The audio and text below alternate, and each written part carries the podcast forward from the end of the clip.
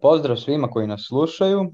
Ovo je još jedno izdanje podcasta Jako i do samog kraja, u kome učestvuju autori sa portala Košarka 24, e, Slobodan Gligorić, Marko Knežević Hans, Miroslav Jevremović i ja sam Bogdan Đorđević. E, evo sad je ponedeljak, kasno uveče, prošlo jedno sat vremena od potere, a ujedno i nešto više od 24 sata od završetka finala Kupa Radivoje Korete.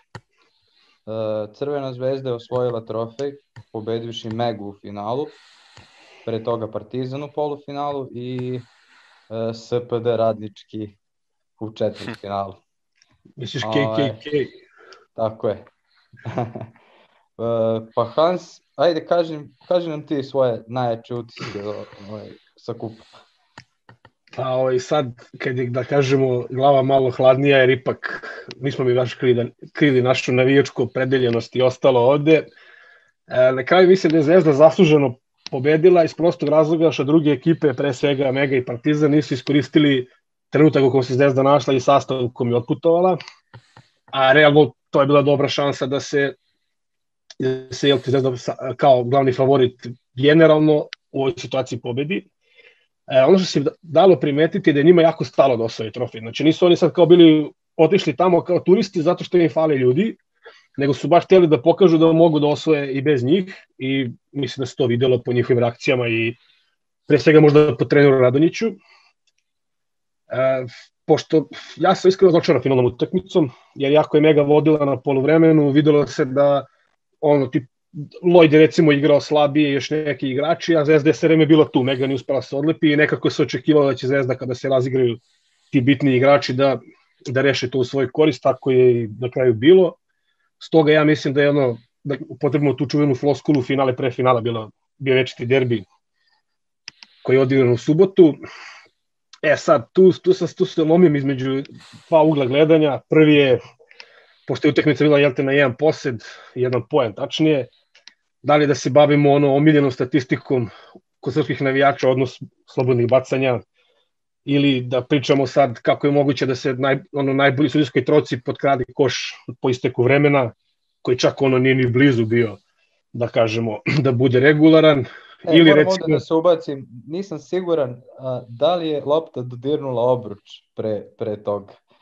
Ovaj, to nismo obratili pažnju kad smo gledali. Aha, misliš da je trebalo se kao reseto vreme?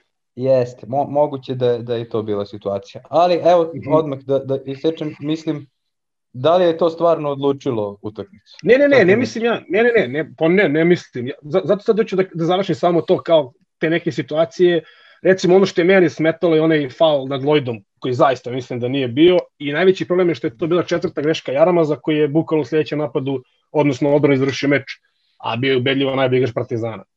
To je po meni možda, možda kritični moment, ali sad dolazim do one druge tačke gledišta koja mi je možda i bitnija, a to je da Partizan u trenutno svom najjačem sastavu nije uspeo da pobedi Zvezdu ni ovako desetkovanu i dozvolio da Zvezda ima i veći motiv i da se bolje pripremi.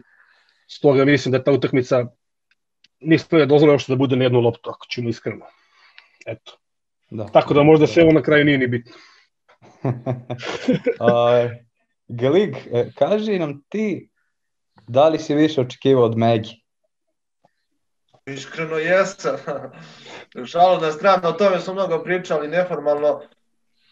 Imao sam taj utisak jednostavno da Vlada Jovanović, pričao sam to i o prethodnim podcastima, ove sezone želi do trofeja. Ali ako se pravi paralela između, o tome i Hans pričao, Mege koja je osvojila kup i ove Mege, zaista postoji ta doza razočaranosti nakon finala. Jednostavno, period u trećoj četvrtini kada je, mislim, i Zvezda prelomila, kada je rešila pitanje pobednika, jeste period kada je Mega igrala kriminalno u napad.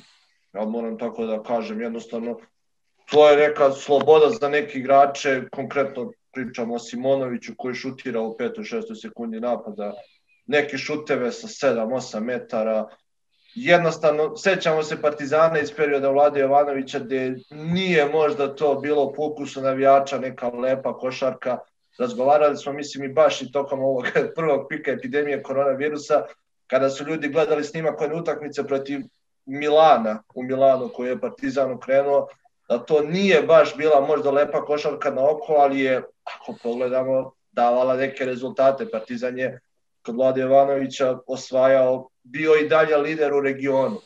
Ova Mega, nakon prvog poluvremena, Hans je rekao i plus 4, mislim da je morala mnogo, mnogo pametnije i činjenica je, činjenica je da, da jednostavno i za Megu nešto slično važi bar po mom mišljenju kao i za Partizan. Jednostavno nisu, nisu uspjeli te neke važne pobede koje su iz ABA lige da, da na neki način da se sve to reflektuje na ovaj kup.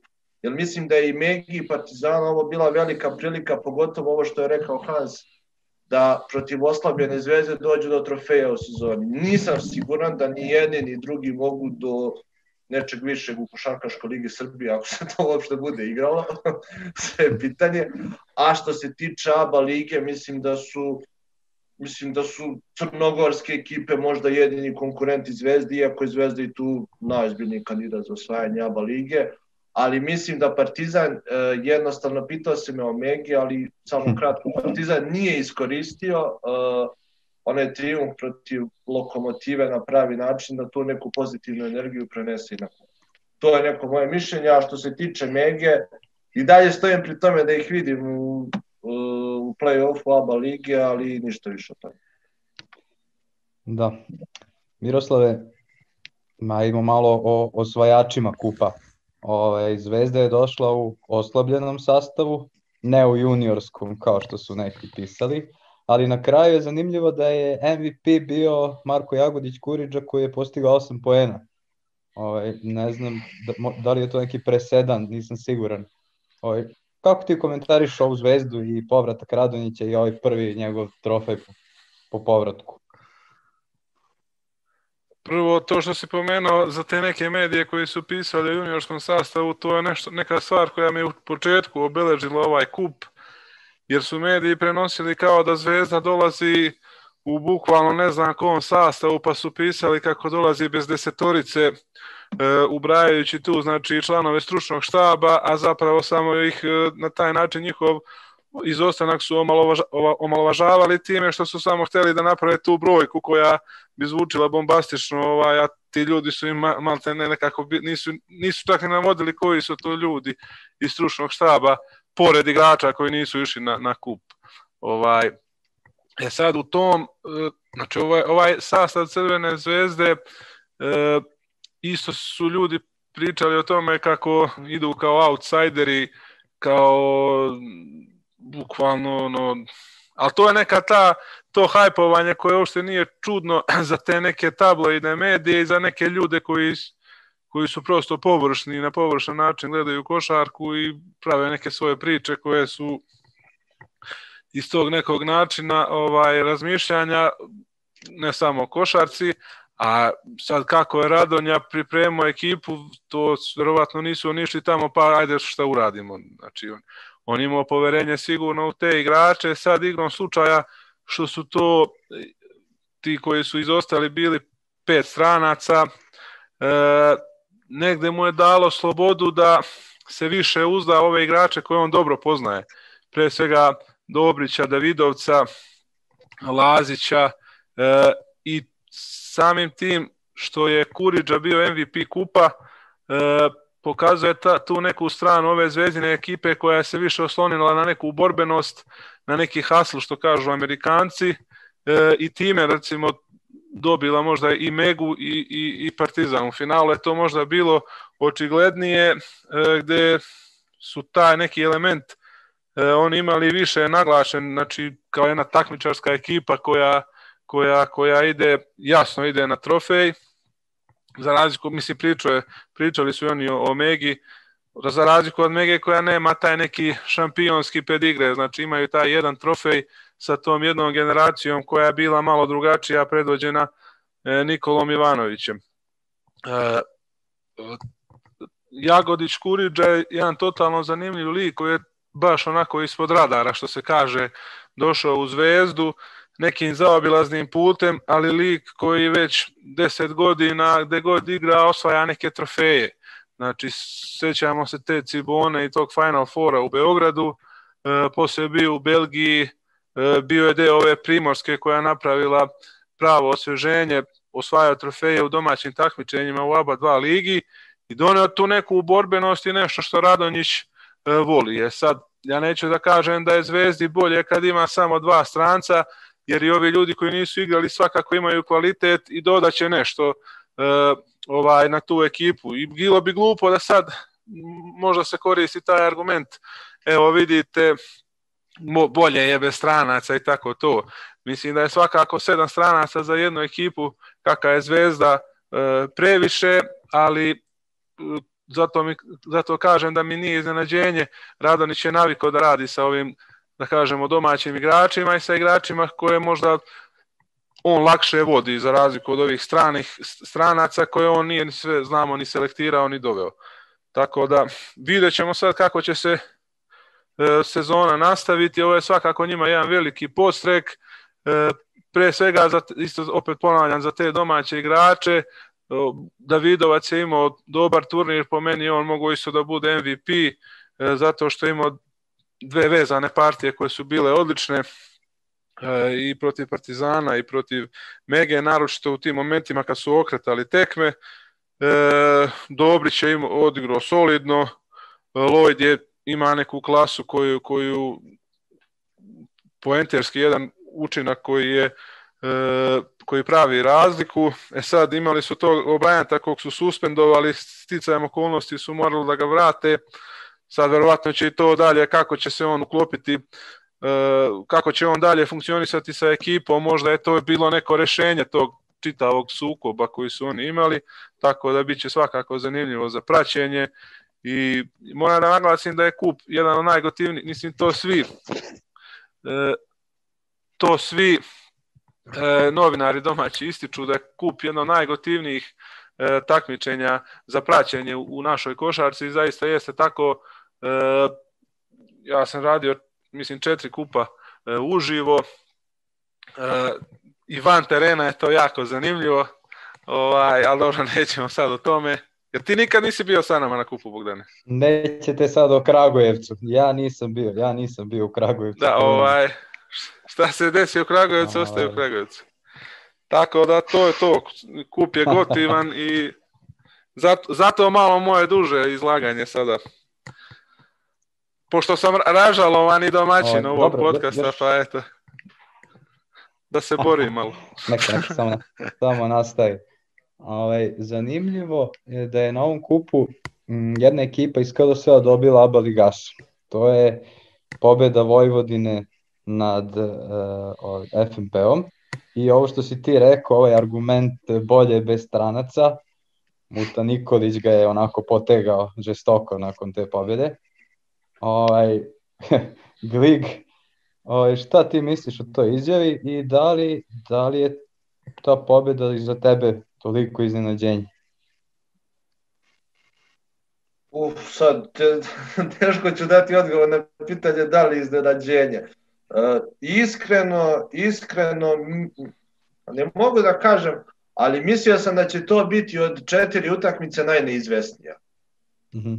Najneizvesnija u smislu da će Vojvodina pružiti najjači otpor FNP-u, jer FNP zaista, ako smo malo pre, ako sam malo pre pričao o nekoj igri Mege, koja se u drugom poluvremenu finala praktično nije ni promenila, igra FNP-a takođe, gledao sam i tu utakmicu, jednostavno previše u obe faze grešaka, e, vidimo da je da je stigao i treći trener, jel tako, povratnik Vanja Guša u FNP ponovo. Mnogo toga nije, nije funkcionisalo u ekipi FNP-a.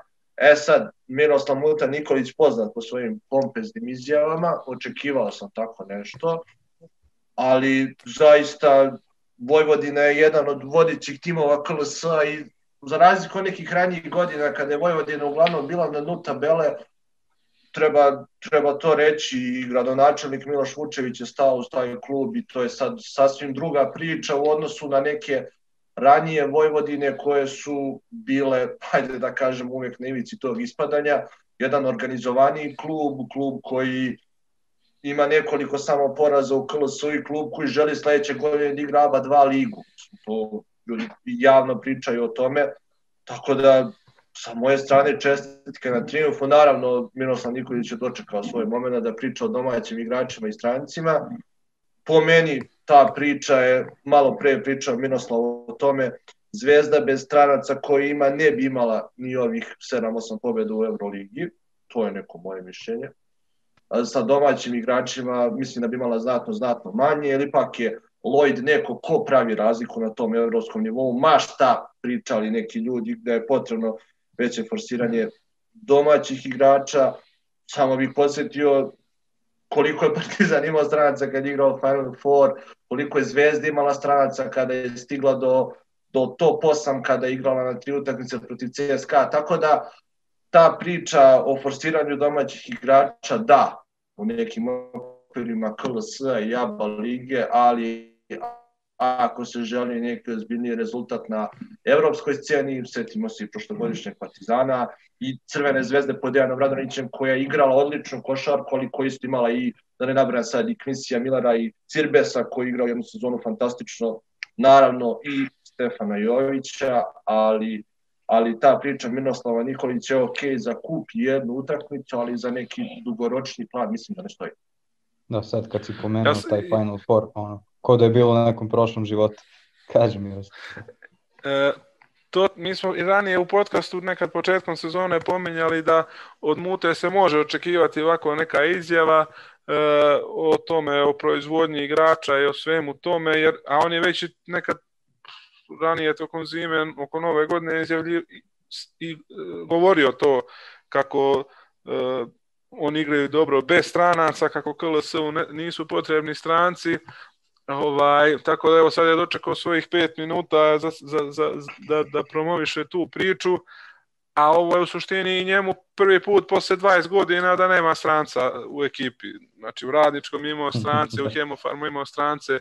E, kada pričamo o, o, o klubovima koje je vodio ne računajući Partizan, Tako da ja verujem da će oni sledeće godine ako uđe u ABA 2 ligu možda imati stranca, tako da ali svakako svaka mu čast na, na, na, odnosno generalno ekipi Vojvodine na, na svemu što su radili.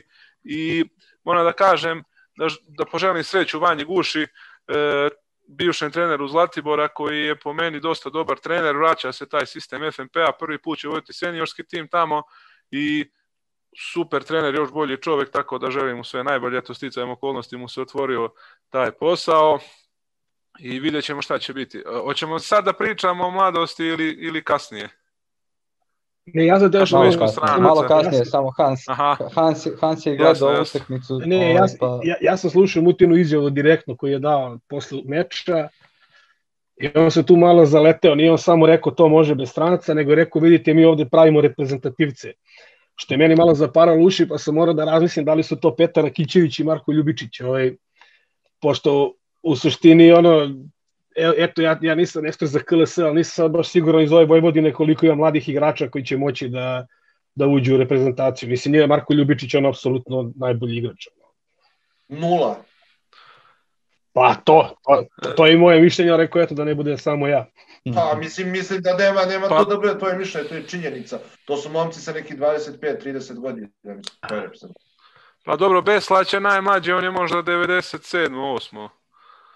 8. Ako, ako, ne, ako nije čak i stariji. Mislim da je daleko Tako da... nekog reprezentativnog kalibra. Pazite, ako su, čak i Ma, za ove prozore. Ako su se Hans i Gligorić usaglasili oko nečega, onda je to zaista tako.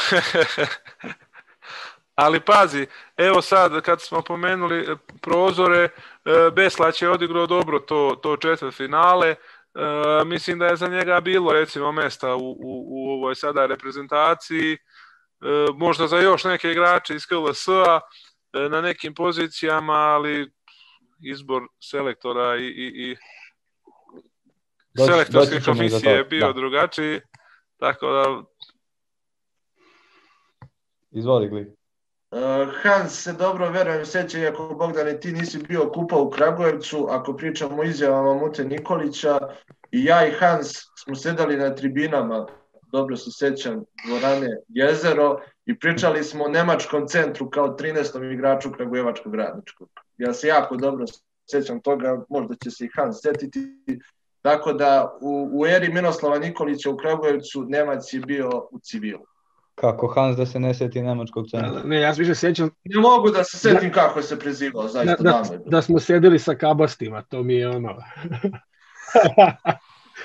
Glavna memoja. Ali pazi, ali pazi, ali mora se priznati da je iz tog e, mutinog radničkog e, su kasnije postali reprezentativci Kalinić i Birčević, tako da I Jović.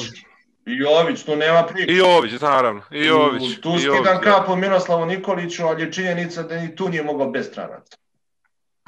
Da igra Evrokup.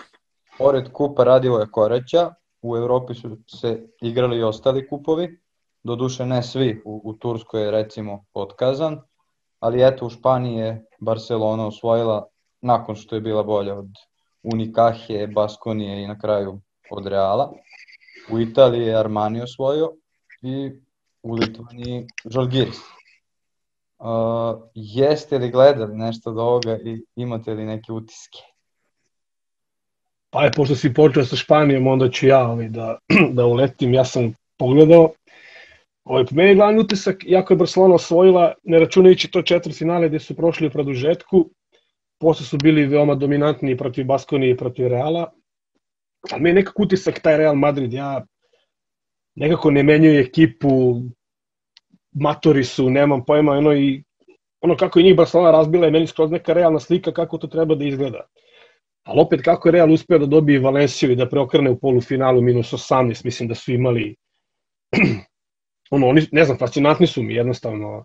Nekako uvek, tu se, tu se desi neki Trey Tompkins, pa ga onda nema četiri meseca, pa Jeffrey Taylor, tako, osim Tavaresa koji je ono kao igrač u najboljim godinama koji dominira, svi ostali su jako upitni i ovaj, ne znam, ono, nije mi jasno njihovo poslovanje i mislim da je Barca ono sasvim zasluženo pregazila svoj put do trofeja. Kažem, pomoćili su četvrtama protiv Unikahija, ali posle protiv Evroligaša su bili jako ubedljivi, sigurni. Tako da ono, mislim, nema tu što mnogo da se priča kad ljudi dobiju 20 razlike, nekoga nema sad da, da se nešto previše detaljiše, jednostavno su bili najbolji. Uh, Glik, ti si gledao italijanski kup, je li tako?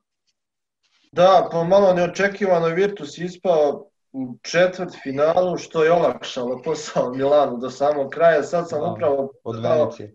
E, Da, od Venecije, što je još zanimljivije. A Milano je pobedio polufinale 30, 31 razlike, a finale 28.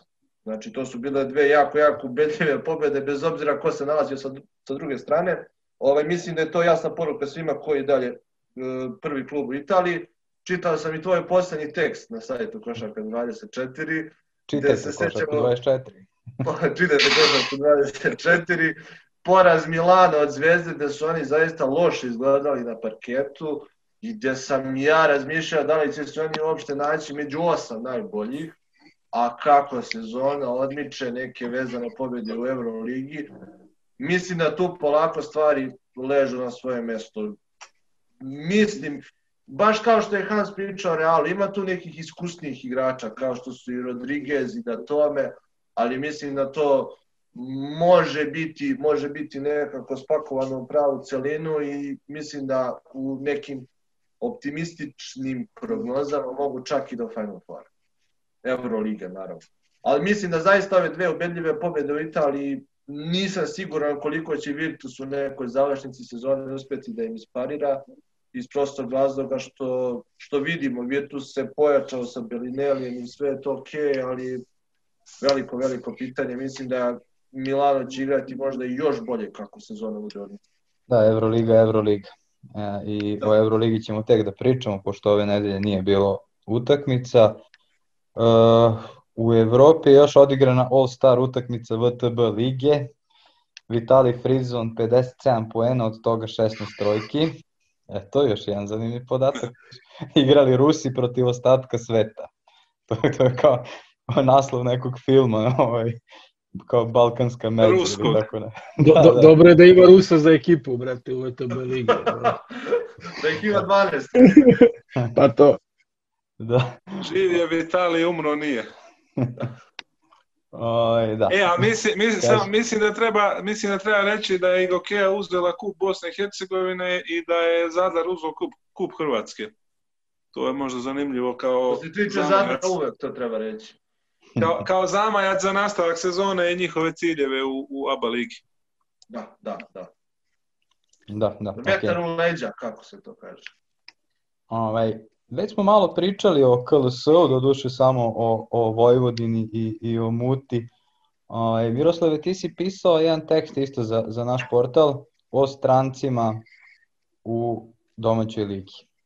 Pa da li bi mogao da nam kažeš suštinu tog, tog teksta i, i uopšte tvoje mišljenje o, o, o tim brojnim strancima kojih nije bilo toliko do ove godine?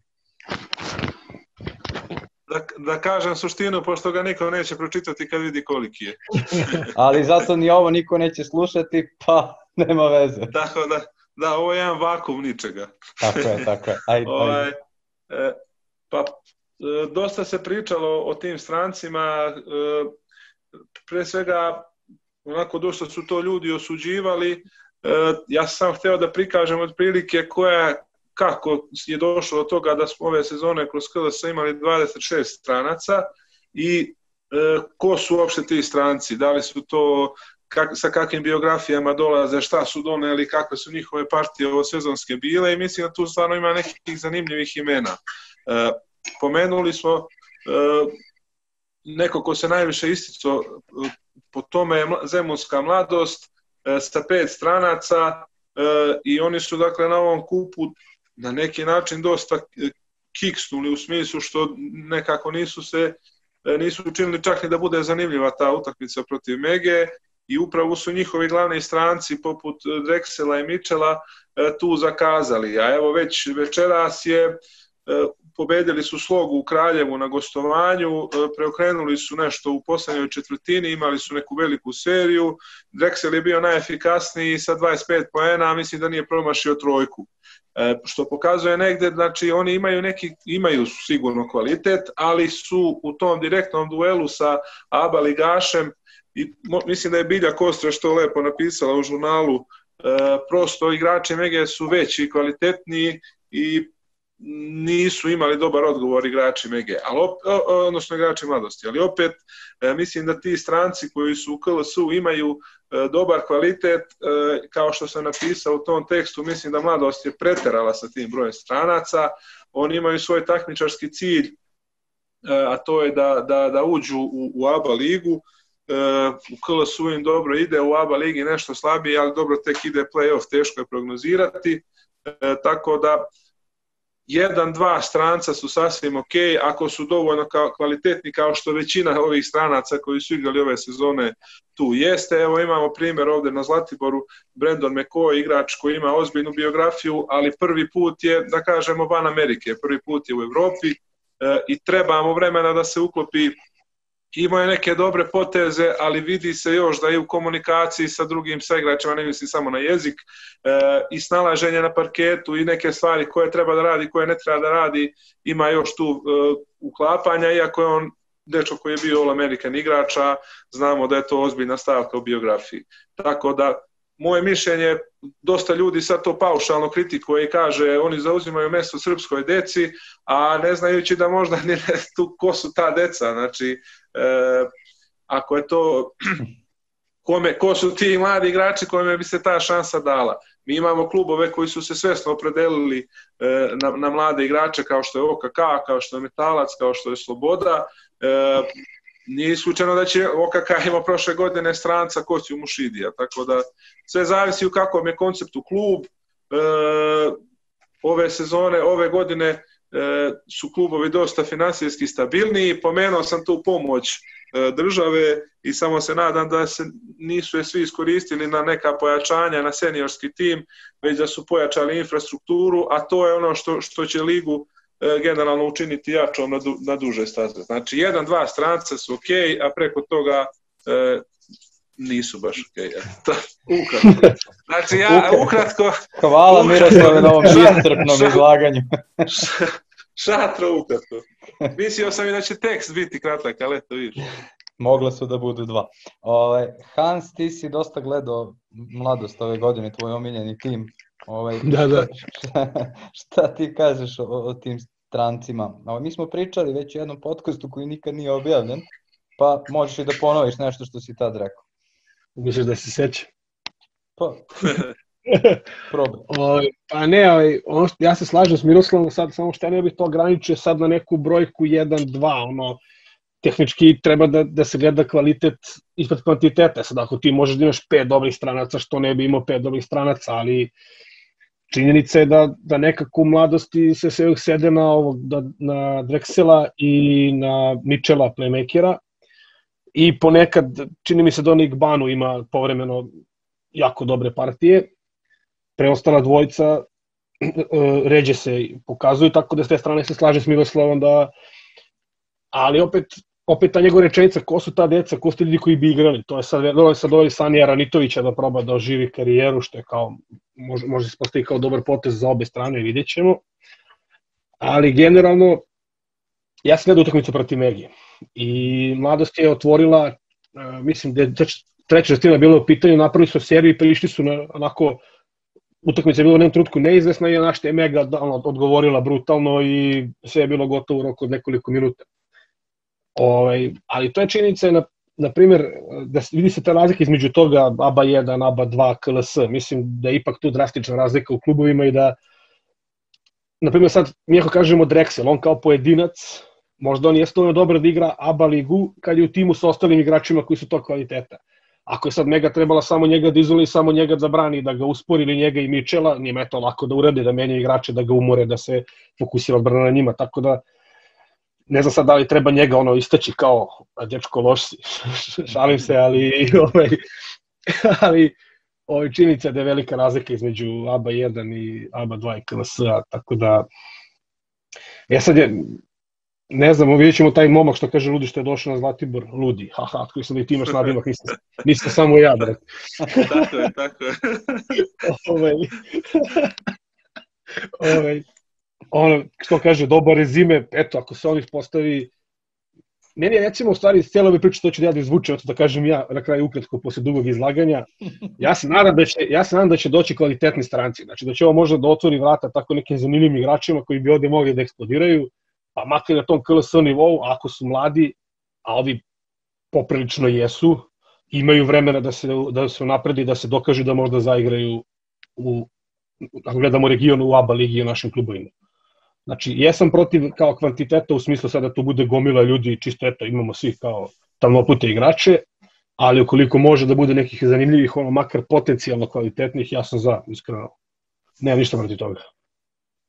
Ovaj, Slobo, kaži ti ukratko nešto o Metalcu. Šalim, šalim se, ovaj, Metalcu. slobodno prokomentariši ovaj, i ti. A Ovaj, ništa, ovu ovo, temu. ovo, što je, ovo što je Hans rekao poslednje je jako, jako zanimljivo. Ja o tome nisam previše razmišljao.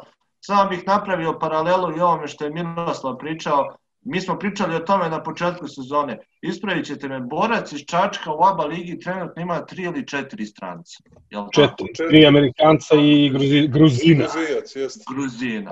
A borac iz Čačka je bio poprilično dominantna ekipa sa domaćim igračima u KLS i u ABA 2 ligi.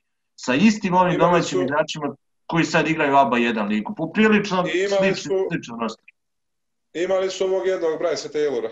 On je bio i prošle godine, playmaker. Bryce Taylora prošle godine. Ali jednostavno mislim da ne dužim previše ovo što je Hans rekao, ogromna razlika i e, ono što je Hans rekao takođe, mladost je u jednom momentu prišla Megi i činilo se da bi to moglo da bude zanimljiv susret, međutim centri mladosti nisu imali odgovor ni na Petruševa, ni na Simonovića, to je zaista izgledalo smešno u nekim momentima, tako da, tako da ovaj, mislim da je velika razlika. Ja jesam za, za potencijalno mlade strance koji mogu da u nekoj perspektivi nešto dugoročno donesu klubu, ali za neka rešenja poput nekih iskusnih igrača, iskusnijih ili, ili stranaca koji su nekim poznim godinama, kao što recimo košarkaš koji je bio u Pirotu, ako se ne varam na početku sezone, koji je igrao u Valju, on, ništa specijalno.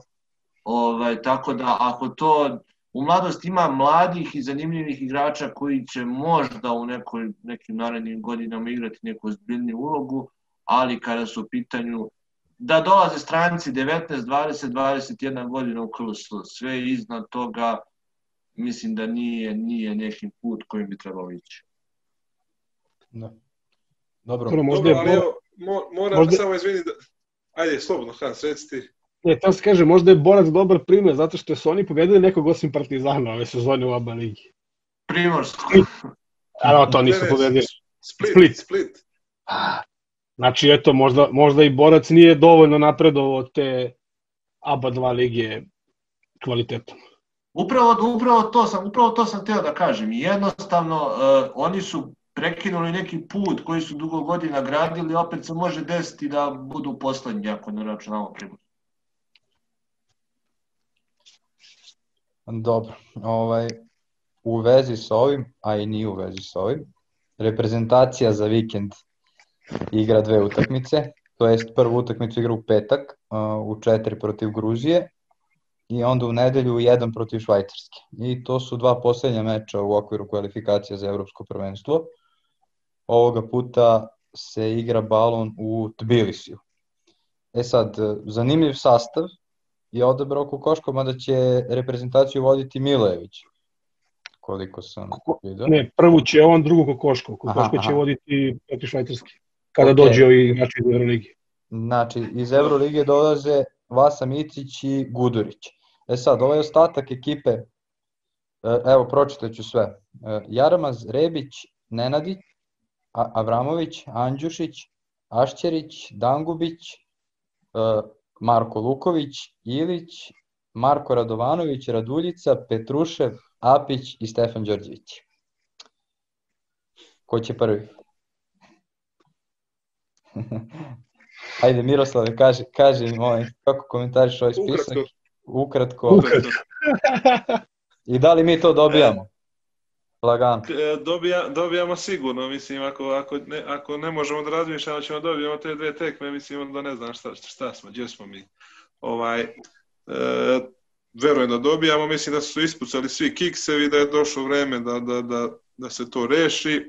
Jer nam treba jedna pobjeda, ali tako? Da, da, izvini Miroslav, to sam teo kažem. Mislim da nam treba jedna pobjeda da obezbedimo plasman na Evropskom.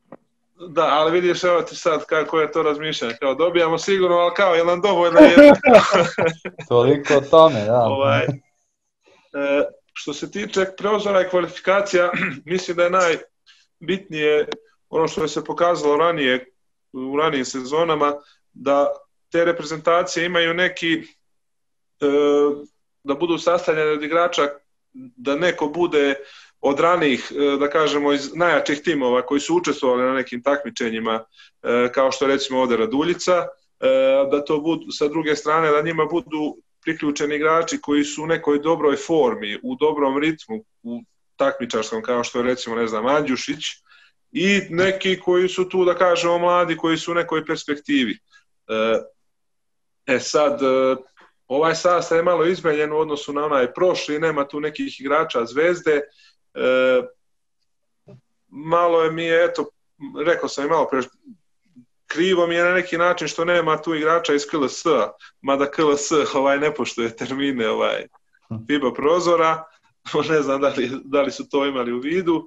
E, eto, taj Marko Radovanović, e, dečko je ove godine na prosjeku od nekih šest poema, poena, imao je par odličnih utakmica, ali evo sad konkretno taj Beslać je možda mogao da dobije šansu pre njega, e, zato što tim pre što FNP nešto sad ne briljira, nije ni on neki igrač koji je oslonac, glavni oslonac te ekipe. E, mislim svaka čast, nema ništa protiv njega, dečko, momak iz Čačka, mlad, 25 godina, relativno mlad, ono, e, u tom smislu, svakako ima potencijal, ali eto kaže možda je tu moglo da bude ne, ne, neka promena i a ostalo šta da kažem sad najlakše je će biti iskomentarisati kad se sve završi i ako se sve završi dobro je sad vidjet ćemo posle utakmice Mislim da je velika stvar što imamo, što imamo ova dva igrača iz Euroligije i mislim da će oni verovatno napraviti prevagu na toj drugoj tekmi.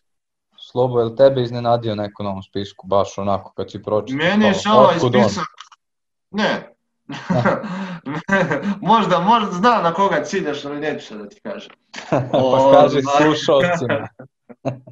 Neću da kažem, slušalcima ovaj spisak neću da, da kvarim raspoloženje, jer se ovaj spisak meni mnogo više sviđa nego onaj prethodni. Ovaj, e, tu su Vasa Micić i Hansov ljubivac Marko Gudurić. Tako da, Ovako, mislim, E, mislim da ovaj, mislim da ovaj, to su Marko Gudurić je lova kojeg ja izuzetno cijenim njegove partije, tako da uh, sviđa mi se što će oni drugu utakmicu, ali tako biti tu, ima tu još zanimljivih momaka koji su po meni zaslužili šansu, tako da Miroslav je rekao jedna, dve pobede, pričali smo što je sigurno sigurno da njih dvojica budu drugu utakmicu tu, Tako da, tu se već nazira ono što smo pričali u podcastu, mislim da sam tu pričao koji nije objavljen. Volao bi sad da vidim tu, na primjer, i Davidovca i još neke tako momke 95. 6. 4. godište. I malo pre, mislim, ne znam da li ste rekli, pažljivo sam slušao, tu je Petrušev koji nije bio prošli put. Je li tako? I meni je drago da jednostavno da se i taj momak uvodi u reprezentaciju, mislim da je on sigurno jedan od onih koji bi za nekih 5, 6, 7 godina mogli biti nosioci igre u reprezentaciji, tako da da, A i da po sadašnjim širim igrama apsolutno zaslužuje. Apsolutno, Ja- tu nema dileme i mislim da eto, da bi se ovaj spisak da ponovim još ima mnogo više sviđa od prethodnog. Kaži Hans. Pa, Ovaj, ja nekako od Petruševa najviše očekujem, bar na toj prvoj utakmici dok se ne priključe ova dvojica Evroligaša. O, Pa ovo ostalo šta, Jaramaz je propustio prethodni prozor zbog povrede, je tako? Da. Ovaj, pa ovo ostalo, Andjušić je igrao prethodni prozor. Šta znam, to je, to je, to je ta, on, Aleks Avramović, to je ta neka okosnica za kvalifikacije koja se koristi već neko vreme. Ali eto, e da, ali eto, vidjet ćemo, eto, ja možda vidjet ćemo Jaramaz, ako uspe da uhvati neki ritam, mogo bi da bude pojačanje. I ako dobro uđe u utakmicu. To, to. Na primjer, Ovaj. Hans, pisali smo, izvini, izvini Hans, samo sekund, pisali smo na četu, malo prije sam htio da kažem, mislim da je tu možda bilo mjesto i za Momirova. Ako smo pričali si odbrani nad Lloydom, mislim da bi ako gledamo tu poziciju 2-3 prevashodno dvojke, mislim da da je nakon povrede teške koju je imao, mislim da je moglo da se proba i sa Momirovim, ali mislim da to biće, biće prilike u budućnosti. A dobro, ali vratno mi, je sad, da... mi sad pričamo po utisima od kupa, a spisak je sastavljen vjerojatno pre kupa, tako da... A dobro, ali Momirov, ja mislim da igra, ja mislim da Momirov igra korektnu sezonu generalno u Megi. Mislim, on je nešto odsustovao, tako? Da, da je bila korona, šta je? Ja, ja mislim da je imao povredu, ali nisam. Ove, da, da, ali, ali mislim da on igra sasvim korektnu sezonu, ali dobro, opet bekovske pozicije, Andjušić i Avramović su svakako u prednosti, tako da šta znam. Biće, mislim da Mirov je relativno mlad igrač, bi, ako nastavi da igra ovako, sigurno će dobiti priliku. Ali eto, ništa, ja, eto, ja nekako očekujem najviše od Petruševa da prenese ovu formu i mislim, ovo više nije ni forma, on čovjek cela sezona je konstantno na vrhunskom nivou, tako da Klas. očekujem to, to, očekujem da bar u ovoj prvoj utakmici gde, smo lišeni pomoći ovih iskusnijih da, da, da, da se pokaže dobro, da debituje jako. Bić, biće zanimljivo ovaj produženi vikend. I Ovaj, Raduljino veteransko prisustvo. Kao nekada Ratko Varda u Megi. Da. nismo Raška pomenuli ceo podcast. Večeras si izdominirao, nema potrebe da. E, e, dobro, sad smo pomenuli. Ovaj, kad smo kod Raška, eh, stigli smo i do poslednje teme za ovaj podcast, to je NBA. A, A- kao Raško i Ratko, Ratko, Washington, Jordan, NBA. sve Tako je, tako, sve je povezano. Ovaj, večeras igraju Utah i Philadelphia, to sam vidio tri prvoplasirane ekipe na istoku i na zapadu, to sad Embiid protiv Gobera i tako dalje. O, Utah je u neverovatnoj formi, Mm, i za sada su prvi na zapadu, E, dobili su kako 18 od poslednjih 19 utakmica i to su Uh, uglavnom bile Da, neke Da, ubedljive. da, 16 je bilo dvocikleno razliku. Tako je, tako je. Ovaj, šta misliš, Hans, dok će to da traje? Pa ne znam, iskreno, ono, ova sezona je baš čudna. Da li si očekivao? Ne, ne, nisam, iskreno, ja, a mislim, ja moram da potrebim, evo, pošto, moram se prebaciti malo na NFL, pošto je on bio ovaj, u- sad u Americi, u Može, of course. žiži javnosti, da kažemo, sad oni kad su komentarisali, nebitno Brady osvojio prsten i tako dalje, recimo Aaron Rodgers je MVP, najbolji quarterback u ligi i šta znam. I nekako je, ne, neki od tih njihovih analitičara na konačno izgovorio kao, sve je to lepo, ali ja nekako ne verujem Green Bayu, tamo gde Rodgers igra, da će oni da dođu do kraja. E tako ja sa Jutom, ja, ja ne obraćam pažnju na njih do same zaštnice, ja nekako uopšte, meni to nebitno. Ja znam da će, na primjer, LeBron da bude sedmi na zapadu sa Lakersima, da će on u play-offu njih da izgazi, brate. I zato su meni svi ti, sve te serije u toku regularne sezone onako, šta zna, lepo je to da se piše o tome, neki istorijski podaci, zanimljivosti, ali ne bi ja tome dao nešto previše značaja dok ne dođe play-off i dok ih Jokić i Mara i opet ne okrenu sami ovaj, sa 3-1.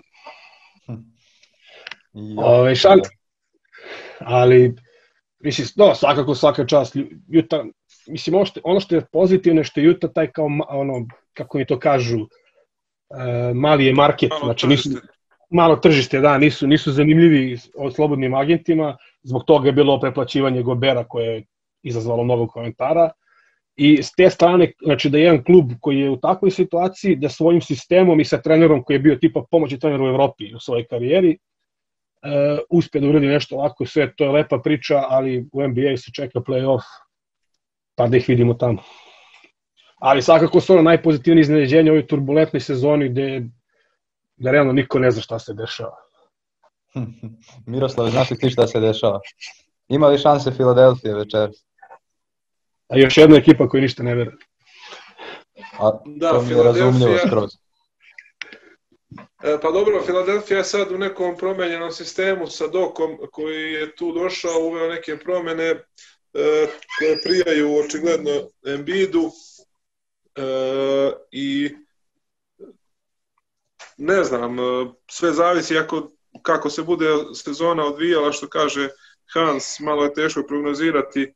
E, vidimo da, da svi imaju ove probleme što se tiče e, koronavirusa i ti izostanci mogu lako da ih izbace iz ritma. Sad ne znam koliko je na to, mislim to je problem na nivou KLS-a recimo, veliki, ali sad ne znam koliko je koliko, koliko na nivou NBA lige e, te neke pauze mogu da predstavljaju problem, ali vjerovatno da mogu. Je sad, e, što se tiče ovog aktualnog trenutka, e, Filadelfija, oni sad oni da mogu da budu zadovoljni jer svakako pokazuju napredak u odnosu na prošlu sezonu, sve zavisi opet kako će proći u play-offu, ali verovatno verujem da će proći bolje nego prošle sezone. E, e, tako da, jer njihove dve glavne zvezde su, da kažemo, mlade, imaju još, da kažemo, jednu sezonu, dve lufta, e, da vide kako će im ići napredak, dok je, da kažemo, Juta jedan ozbiljan projekat e, koji maksimalno koristi te svoje resurse koje ima, do kojih su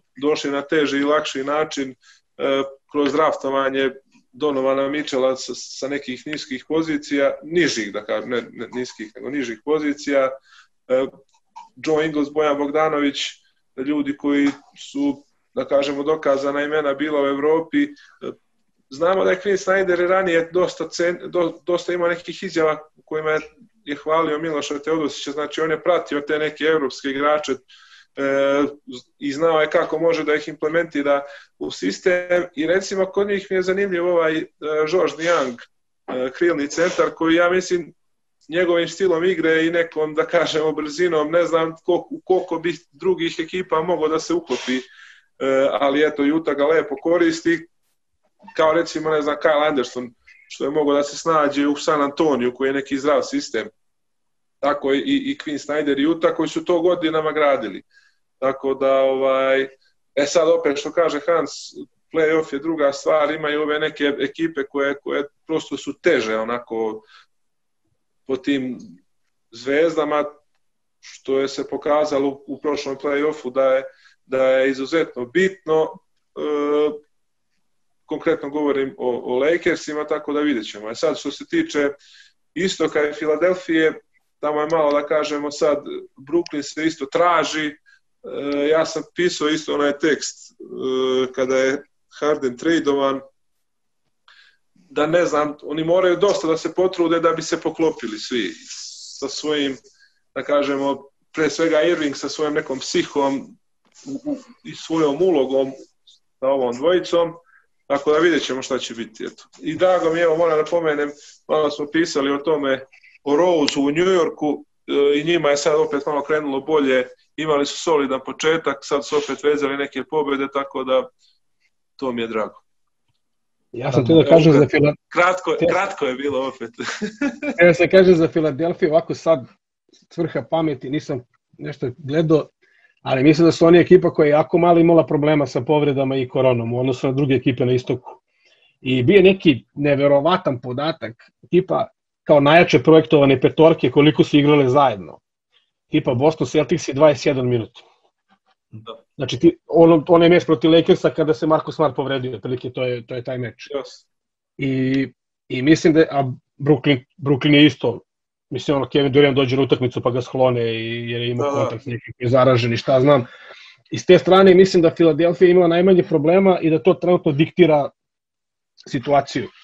I nekako sve te ekipe koje, koje nisu imale problem, uglavnom, a da su već bile na dobrom putu kao što su Lakers i Clippers i pa i Filadelfija se nije mnogo promenila, oni, oni su, svi imaju dobar skor. Recimo, Boston je ekipa koja se nije puno promenila, ali imala puno problema s povredama i koronom i to se vidi na njihovim igrama. Mada sinoć, ono, ja još gledao protiv Washingtona, gde je recimo bila situacija da je Tatum promašio zicer i nije htio da se dati u odbranu, što je onako baš baš čudno da kažem ono i da je vjerojatno Boston onako malo u problemu što kaže što kaže Simons ovaj novinar kao posle 100 godina samo kao tiskamo ono penik dugme za Celticse pošto je to je čovjek iako sad živi u LA, čovjek je iz Bostona i to je navija za sve bostonske klubove. Ove, ovaj, tako da, eto, Celticsi su možda sad, sad već malo liče neko razočarenje u ovoj sezoni.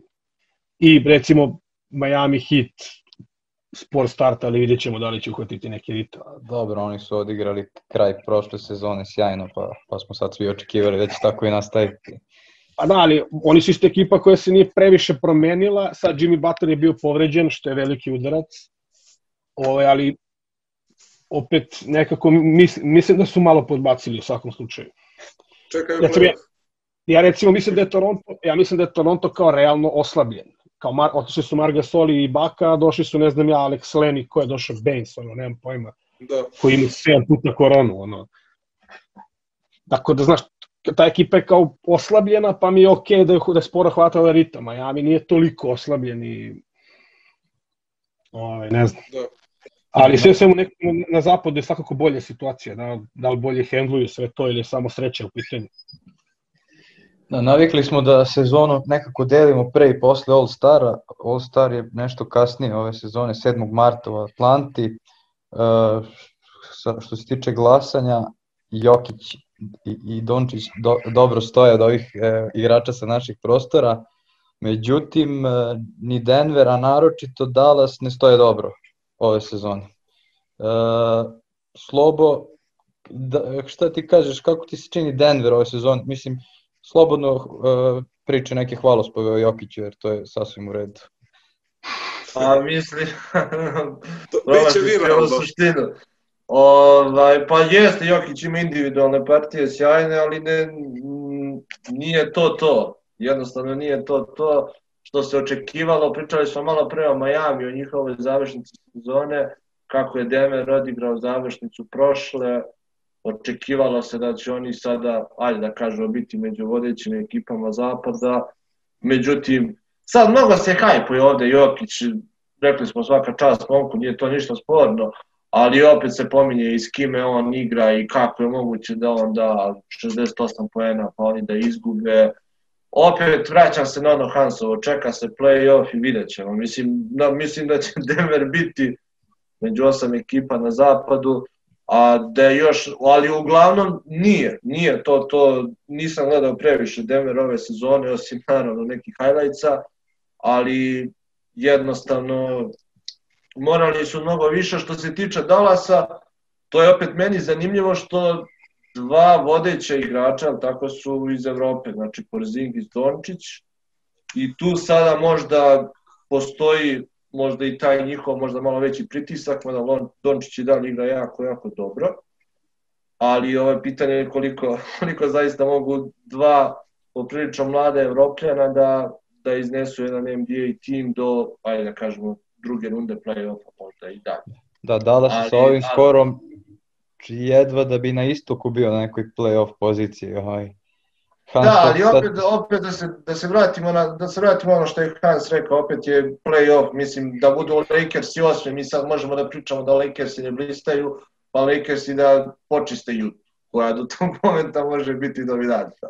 Tako da, ne znam, vidjet ćemo, vidjet ćemo. Mi, mislite li vas dvojica da, da je to slučaj sa Dallasom i, i da, da oni ne. sigurno ulaze u play-off, ja, meni sve to... Al, ja iskreno, ja iskreno osim zove što smo naveli, znači Lakers i Clippers i Utah, ja je da kažemo da na istoku možda malo veća razlika u kvalitetu među playoff ekipama ima koji to nisu, ali ja mislim da je jako teško. Recimo sad trenutno Golden State je na playoff mestu, ali oni se ne razlikuju od Dallasa, oni primaju po 150 poena isto koji Dallas.